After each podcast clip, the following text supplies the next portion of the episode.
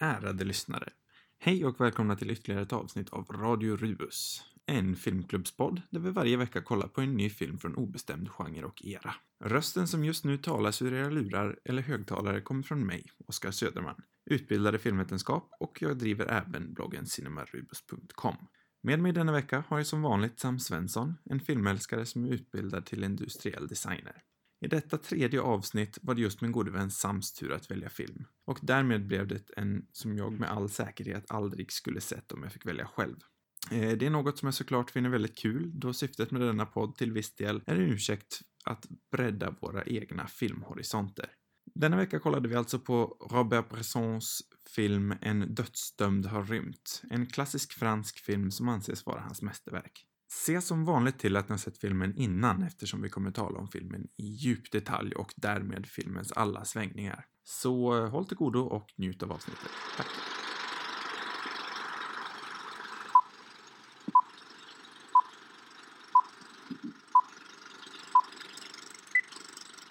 Nu, nu sitter jag på morgonrocken. Oh, vad härligt. Det ska man ha när man poddar. Poddrocken. Poddrocken. Bra. Nej, men vi kanske ska börja. Ja, jag tror det. Mm.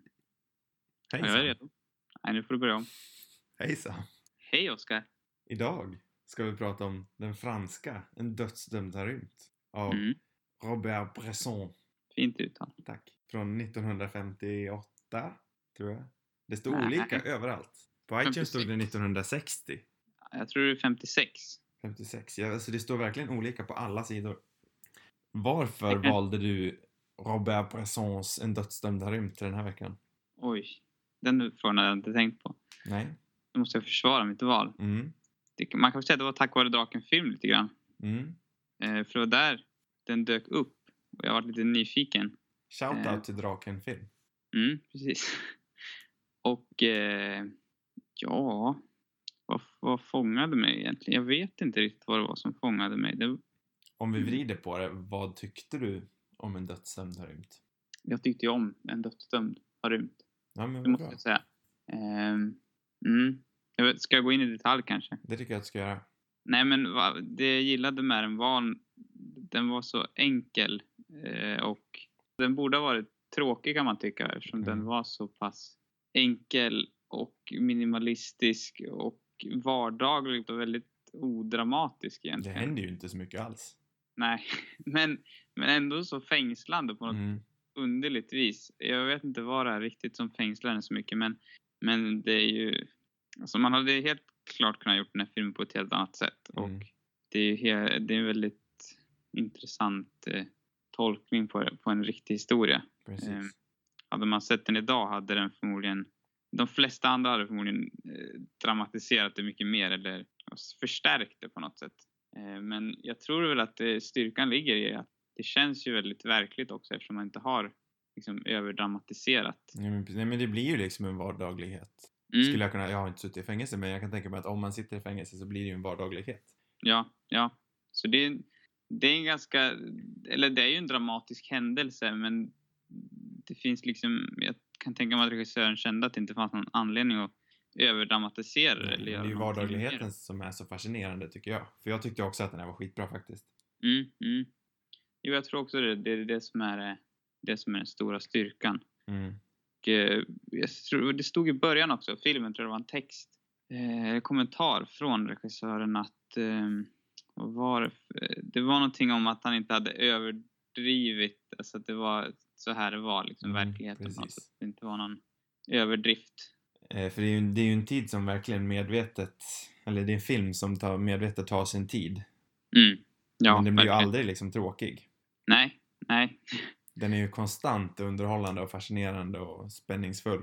Ja, och jag, jag tror att eh, om man skulle berätta om det så är det nog många som tänker att det vad tråkigt det måste vara. Men, men jag var verkligen, var verkligen fascinerad. Man var ju gripen från början till slut. Ja, ja och det... Jag vet inte vad det är som gör det, men det, det är ju de här små...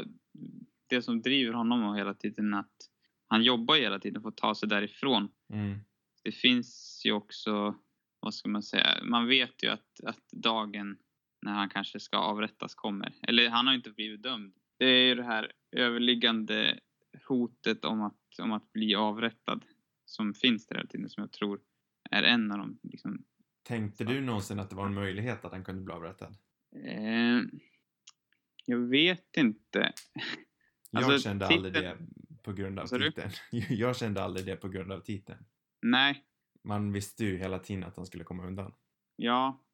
Eller alltså, fast det skulle ju, det behöver ju inte direkt, alltså att han har, en dödsdömd har rymt, han skulle ju kunna bli tillfångatagen Ja, i ändå. och för sig då. Men jag var fortfarande inte nervös för jag tänkte att det betyder att han kommer därifrån. Mm. Kanske lite naivt av mig, men det tänkte jag. Jo, men det tänkte jag också. Det var inte det där kanske egentligen spänningen låg, utan snarare hur han skulle göra det. Mm. För det är så fascinerande över hur ändå, det vi sa, att hur man konstant sitter på spänn när han bara, för nu spelar sig ju nästan som ett vanligt kammarspel. Mm. Han är ju bara i sitt rum där, i duschen eller vad det är. Det är inte en dusch, men i, på toaletten. Det är inte många ställen han är på. Ja, de har något sånt där tvättrum. Ja, men precis. De tvättar. Och ändå är man liksom konstant tagen och på spänn. Mm. För det är ju väldigt fascinerande liksom att se hur han... Egentligen spenderar man ju en och en halv timme och sitta och kolla han gnaga i, i en dörr liksom. Mm. Men ändå är man konstant fascinerad. Men han har så kluriga metoder också på, att, på vilka medel han tar fram de här olika eh, prylarna han behöver för att rymma. Mm. Också. Och hur han tar sig ut. Och... Vad Eh. tyckte du om eh, voiceovern? Ja, jag gillade den. Alltså, för mig funkade den. Jag tyckte det var, var intressant att höra hans... Men jag gillade att han liksom berättat om det han gjorde på något sätt. Jag För mig var det kanske delen som inte funkade. För jag tycker att han sa ju bara det han gjorde. Mm, Han gjorde en sak, sen så sa han precis det alldeles efteråt. Så jag kände, jag såg ju nyss det här, du behöver inte berätta det för mig. nej, Han brukar ju säga show don't tell, så. Mm. Ja, jo. Jo, det kanske, kanske är sant. Eh, Jag vet inte egentligen vad det tillförde. Han kanske inte... Men det känns som att han uttryckte mer saker ibland också än vad man såg. kanske han inte gjorde egentligen. Utan, Alltså det var väl få gånger, men jag tänkte aldrig att det var riktigt nödvändigt med narrationen. nej. Jag tyckte alltid det kändes lite onödigt. Mm. Eh, var det några speciella stildrag från regissören du tänkte var som stack ut? Visuellt menar Ja, du? Typ. precis. Som liksom var...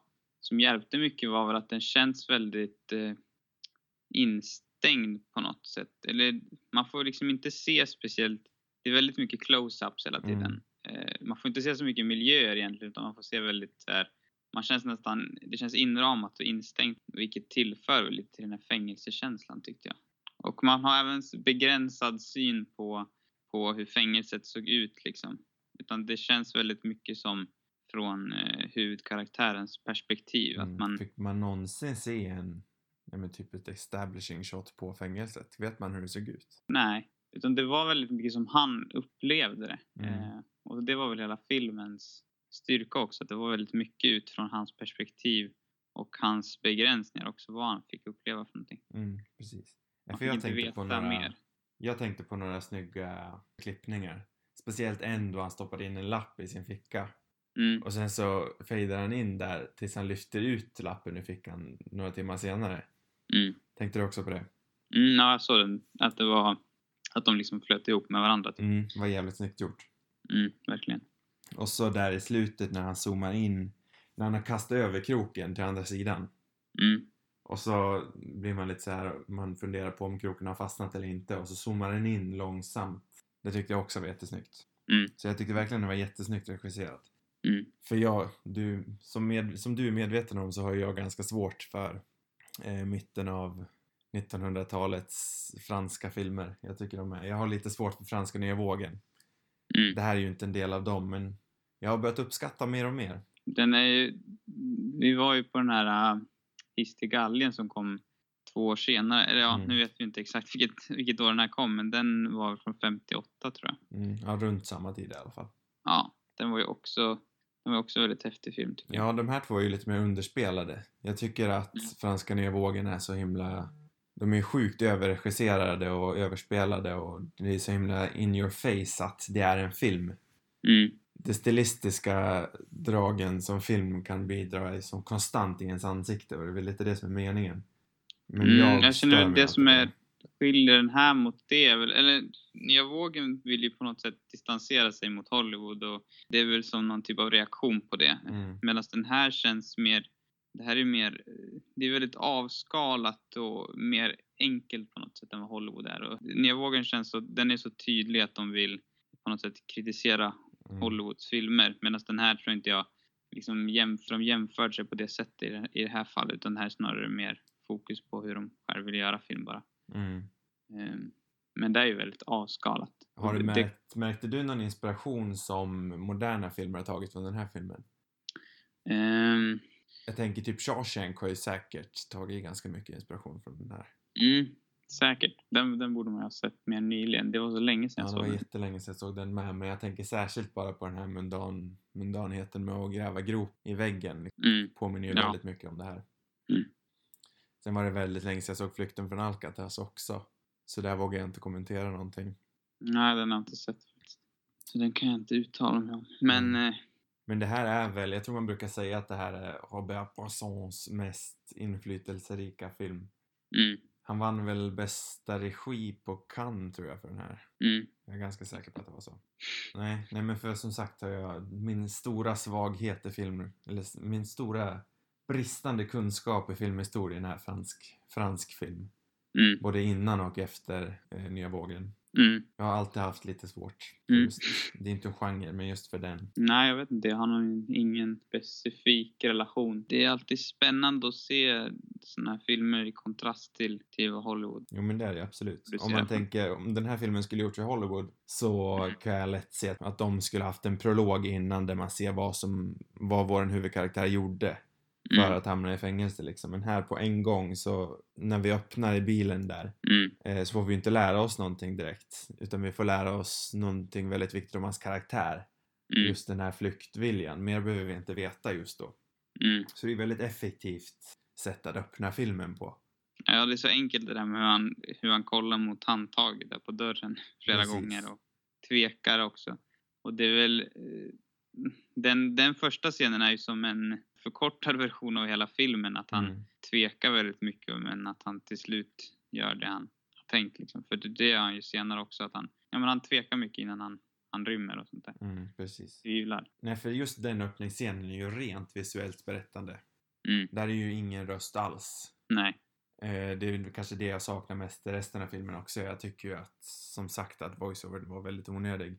Mm, Jag tror att man Jo. hade kunnat ber- att den här filmen hade kunnat berättats helt utan voiceover och kanske varit lite, lite mer effektiv. mm, För annars är det väldigt minimal dialog till övriga karaktärer. ja, det är det. Och jag tror det hade stuckit ut mycket mer då. Man hade nästan... Den hade varit jobbigare att se på. Jag tror inte den hade varit lika underhållande. Men jag Nej. tror det hade varit ett mer effektivt eh, psykiskt... Psykisk inblick liksom. Mm. Ja, det blir mer ett test kanske för tittaren också. Mm. Jag vet inte, för mig var den nog inte viktig, men det var ingenting jag störde mig på heller. Men jag kan ju se att den inte är, var speciellt nödvändig egentligen. Nej. På något, det blev lite som en dagbok också. Mm. Eh, men man hade ju helt klart kunnat hållit sig till en, bara en visuell dagbok eller man ska säga. Mm. Alltså det är ju ett minimalt klagomål. Det är ju ingenting jag gick omkring och tyckte förstörde filmen. Nej. Men om något så kan jag tycka att det var lite onödigt. Mm. Mm. Just eftersom jag tycker filmen var så stark med sitt eh, visuella berättande i övrigt. Mm. För man Mm. förstår ju verkligen precis vad det är han gör innan han säger det. Mm. Ja, det skulle vara intressant att, att se det bara utan. Det är ju nästan, alltså voiceover är alltid påklistrat, men det är ju nästan så att någon annan kom in och tvingade honom lägga dit en voiceover, ungefär som du gjorde med Blade Runner. Mm. Den hade ju inte heller någon voiceover i början, sen så kom studion in och tvingade honom lägga dit den. Mm. Man tänker ju nästan att det är någonting sånt som hände här också, men det vågar jag inte kommentera något mer på. Så. Nej. Men Nej, det känns inte helt omöjligt. Nej, så kan det säkert vara. Eh, sen det att det knappt är någon musik med bidrar ju också väldigt mycket till själva stämningsbyggandet. Mm, ja, verkligen. Det hade ju blivit rätt underligt också om man hade haft massa musik i den tror jag. Liksom i de scenerna han är där i sin cell. Mm. Men... ehm, Nej men återigen så kan man ju inte låta bli att typ jämföra det med eh, om Hollywood skulle gjort den här filmen, för där hade det ju varit någon musik tror jag. mm, ja, här det jag finns också. det ju bara, jag kommer inte ihåg just vilken kompositör det var, men det är ju redan inspelad musik. Det är ju inte någon nyinspelad till filmen. Nej, det är ju Mozart Som de Var det Mozart? Ja, ja. Nej men de, de använder, det tillför ändå någonting när det kommer på men det, det är liksom, de väljer att använda det i rätt scener tycker jag. Mm. Det tycker Utan jag att förstöra den här minimalistiska känslan som är över resten av filmen. Mm. Vad tyckte du om skådespelet? Det var också, jag, jag tyckte det var väldigt bra för att det, det var också så, det var inget överspel liksom. Utan det var väldigt, eh, väldigt enkelt på något sätt. Men det, det gjorde att det kändes realistiskt också. Och man hade kunnat, alltså den hade kunnat vara så mycket mer dramatiskt gjord. Med liksom mycket mer uttryck och så. Men det känns, jag tyckte det var effektfullt med på det sättet de gjorde det. Mm, det håller jag med om. Alltså precis som filmen i det stora hela så gör ju den här skådespelaren väldigt mycket med väldigt lite. Mm. Han har ju inte så mycket grandiösa grejer att spela men han gör allt med sitt ansikte och sitt kroppsspråk. Mm. Särskilt när han är där i rummet och bara håller på att fippla med dörren eller håller på och viker upp någon ståltråd i sängen. Och...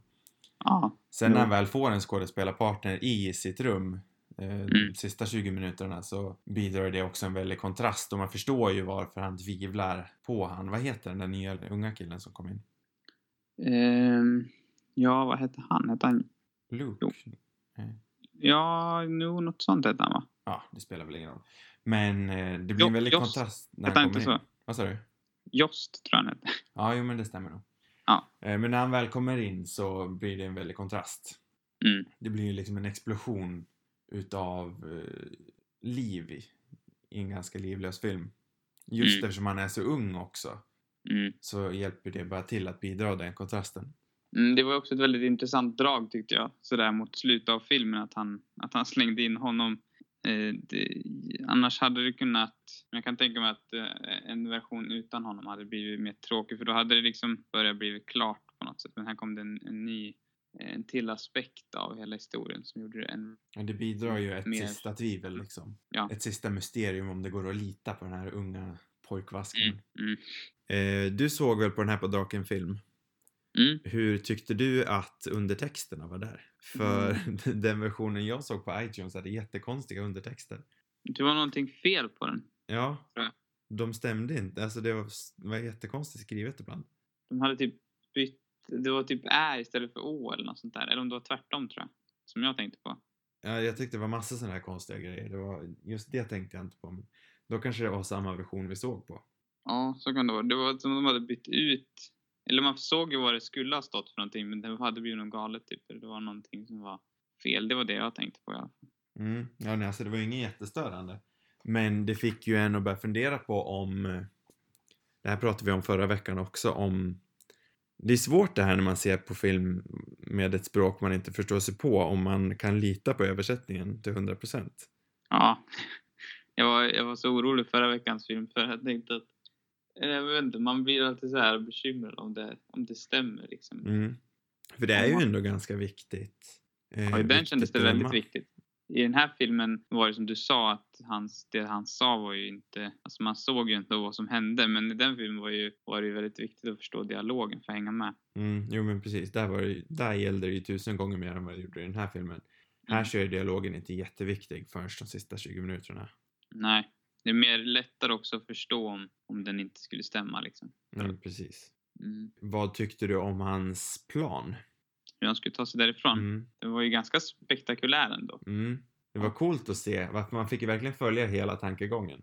Mm. Eh, och det var coolt att se hur han gjorde det där med ståltråden och hur, han, hur de verkligen gjorde mycket med lite. Mm. Ja, jag, alltså vad heter han? Det var han jag försökte nämna tidigare också, den den här amerikanska MacGyver tänkte jag på. Nu har inte jag sett MacGyver, men Nej. som skapar saker från ingenstans liksom. Ja, jo, det kändes lite MacGyverigt. Ja. Jag kommer ihåg att jag kollade jättemycket på MacGyver när jag var liten för det var typ det enda som gick på tv när man kom hem från skolan. ja. Nej, jag missade. Vi hade bara en gammal klasskompis som älskade MacGyver. det, det är min, min relation till det, men Nej, jag kan aldrig säga att jag haft en kärlek till MacGyver. Det var mest något sånt där man kollade på för man hade tråkigt. mm, nej, men det var roligt. internet var en grej. det, det känns så... Det, ibland kan man ju kanske... Jag har inte sett MacGyver, men jag kan tänka mig att det känns liksom lite krystat ibland. Att det inte känns eh, så här trovärdigt. Men här kändes det så trovärdigt tycker jag. Ja, Alltså, MacGyver är väl allt ifrån trovärdigt. Men det här kändes ju 100% vad det skulle kunna ha hänt. ja. Ja, och det är det som ger historien sin, både det intressanta och trovärdigheten i, eftersom det bygger på en sann historia. Mm, undrar hur... Han skrev ju det innan att han försökte vara så trovärdig som möjligt, men undrar om han verkligen lyckades. Mm. Ja, det är svårt att veta. Man För- undrar vem, det skulle nästan vara intressant att veta vem den här personen var. Som den Alltså, jag, tror riktiga. jag, jag tror ju att det är offentlig vetskap vem det är den är baserad på. Mhm. Eh, jag tror även att de spelar in lite i fängelset där det verkligen hände. Aha, Om det lilla, av det lilla jag har läst från den här filmen så tror jag att det var så. det är ju det är ju väldigt spännande. Mm, det är jättecoolt. Eh, så det hade ju verkligen varit intressant att verkligen gå tillbaka och läsa. För ingen av de böckerna jag har står så mycket om den här filmen. Mm. Eh, vilket är lite konstigt med tanke på hur stor den faktiskt verkar vara. För jag hade inte hört talas om den innan. Nej, jag läste nu på Wikipedia att det står att exteriörscenen är på det riktiga fängelset. Mm. Och att, eh, ja han heter An- André Divigny, han, den riktiga Fontaine då. Och han undrar vad som hände med han efteråt. Då borde ju det också vara offentlig vetskap. Ja, säkert. Men han var i alla fall med. Han var närvarande och översåg arbetet, står det här. Jaha, jäklar. Och ja, men då måste det ju verkligen vara, vara trovärdigt. Eh, ja, och att cellen hade rekonstruerats i, i minsta detalj. Jaha. Men det, ja, jag vet inte. Jag vet inte om det är sant och det står att, att källa behövs på Wikipedia. så Det är kanske någon som inte får. Ja, Men ja. men det låter väl ändå helt rimligt. det är nog rimligt, ja. Eh, vad tyckte du om slutet? Ja, men jag, jag gillade, jag tyckte inte det behövdes något mer. Nej, Alltså, inte det, var, det, var, det stämde väl överens med resten av filmen. Att det var, nej, jag, vill inte, jag kände mig rätt klar där. Mm, jag också. Och slutbilden var ju jättefin tyckte jag. Ja, verkligen. Och jag, det som var lite intressant var nog att, eller jag hade nog inte tänkt, jag trodde nog att den här själva rymningen skulle komma tidigare i filmen. Inte, att det, skulle vara, inte att det skulle vara det sista liksom som hände. Men vi hade ju olika, du var ju helt säker på att han skulle lyckas. Jag hade nog kanske någon bild av att han skulle möjligtvis, ha- ja men att han försökte men att han sen var tagen eller någonting. Att det skulle ha kunnat gått den vägen. Ja, nej, för Eh. när vi började filmen så tänkte jag ändå att eh, min första tanke var att allihopa skulle rymma tillsammans. Eftersom de etablerar hans kompisar som i slutet inte verkar ha så stor roll i slutändan liksom. Nej. Om man tänker prästen och eh, de andra. Mm. Han gav ju planerna till dem. Jag vet inte varför han gav planerna till dem heller egentligen. Var det för att de skulle kunna göra samma? Ja, jag tror väl det. Men... Men det känns som att, som att det borde vara rätt kört att göra samma sak en gång till efter han har lyckats med det. Som att de borde väl upptäcka vilket sätt han hade tagit sig ut. Ja, de lär väl ha märkt alla grejer som är borta. Och... Så att det var ju lite konstigt. Ja, och de glömde väl kläderna där uppe vid, på taket också. Mm, just det. Nej, men jag läste lite snabbt på Wikipedia om... eh, Ja, för det första så tog vet du, tyskarna två av hans kusiner och eh, skickade dem till, till dödsläger som hämnd. Står det här. Han som rymde? Ja, precis.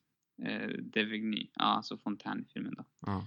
Eh, och sen så var han i Spanien, men där vart han tagen igen står det också. Där, men han smet även där. och sen hade han varit med cool i franska armén också efteråt. Och, eh, I Alsace tror jag. Jag vet inte vad det var som hände där under kriget, men det var någon... Alltså han levde ett liv med andra ord. Ja, Kan man väl Ja. minst sagt säga. han vart även, eh, fick även upp pris av presidenten efter kriget. Shit. Står det kors, eller Frihetens kors tror jag det heter, eller något sånt där. Vilken cool snubbe. Och sen har han, han har också arbetat i franska eh, Foreign Intelligence Organization också. Ja, men han har gjort mycket grejer. Och sen skrev han en memoar då som, som eh, Bresson. Det hade faktiskt varit riktigt coolt att gå tillbaka till memoaren och se vad som verkligen hände. Mm, det skulle, den skulle vara intressant att läsa faktiskt. För det Det var ju vara... även intressant också att, att Bresson själv eh, också har suttit fängslad av tyskarna. Jaha, nej det visste jag inte. Så Men han, då förstår han man ju varför det är hade ett pensionsprojekt. spektakulär smitning men han har i alla fall suttit eh, fängslad han också. Ja, men då förstår man ju verkligen varför det är någonting han vill berätta. Mm, ja, verkligen. Sen, sen är han väl, kan man tänka sig att han är ganska motiverad bara av, av att han är fransman också. Ja, jo såklart. Eh, nej men vad, och om vi ska avsluta då, vad har du för, vad har du för avslutande tankar eller hur, om du ska liksom säga vad du tycker? Eh, nej, men jag tycker det är en väldigt fascinerande film. Dels för att jag brukar ha så svårt för fransk film från den här tiden. Mm. Eh, så är det väldigt kul att eh, se filmer jag tycker om. Dels den här och eh, En hiss till galgen som vi såg för några veckor sedan. Så jag Mm. tycker verkligen att det är fascinerande att eh, hela min filmvärldsbild börjar vridas lite. Mm. Sen så är det ju, som sagt så tycker jag att den är så pass bra för att den berättar så mycket visuellt. Mm. Eh, så den är ju, det är ju verkligen en film som utnyttjar sitt medium. Jag tror inte den här hade varit lika intressant som en bok. Ja, kanske ändå. Som Eller, memoar kan jag se, men inte som skönlitterär. jag, jag har ju läst vet du, Life of Pi eh, som bok. Ja. Och den, eh, den var ju väldigt, eller jag tyckte det var en väldigt intressant bok för den handlar ju väldigt mycket om eh, ja, att han är, det är en annan, boken är en annan sak än, än filmen. Filmen är ju mer, mer Hollywood eller vad man ska säga. Men, men boken är ju, det är väldigt mycket att han är på den här båten och eh, han räknar upp eh, sina ransoner och han eh, sina liksom, vad ska man säga, tricks för att, för att bemästra tigern som han åker med på båten. Alltså det är väldigt, den är väldigt enkel och väldigt sådär dagboksaktig men Mm, ja. ändå fortfarande väldigt liksom, intressant och fascinerande att läsa. Så jag, eh, ja, men jag kan nog tycka att det kan vara riktigt intressant. Ja, visserligen kanske jag var lite förhastad där med mina åsikter. För om man tänker typ på Stephen Kings Lida. är ju Mm. också en sån där bok som utspelar sig på ett ställe i hela boken nästan. Mm, Så det kanske var lite förhastat. Men ändå, jag tycker att det är en film som verkligen använder sitt medium till fullo. mm, Eh, vilket jag verkligen uppskattar när man ser det. mm, Eh, nej, men så jag tyckte verkligen att det var jättebra faktiskt. mm. Vad tyckte du Sam Svensson? Ja, nej, men jag får bara hålla med. Alltså, det är också imponerande hur man kan ta fram en så intressant och fascinerande historia med så lite medel. För att det är ju en, det är en väldigt... Det kan ju inte ha krävts någon, någon monsterbudget för att få ihop det och det är ju väldigt enkelt. Det är bara några liksom, få platser som det utspelar sig på men ändå så blir det så intressant. Eh, så jag tycker det, det är spännande att se hur man kan få ut så mycket ur något så enkelt. Mm, verkligen. Eh, Sam Svensson, tack för idag. Tack själv. Eh, nästa vecka så kommer vi tillbaka igen med den svenska kultklassikern Varning för Jönssonligan. Vi hörs då. Tack och hej.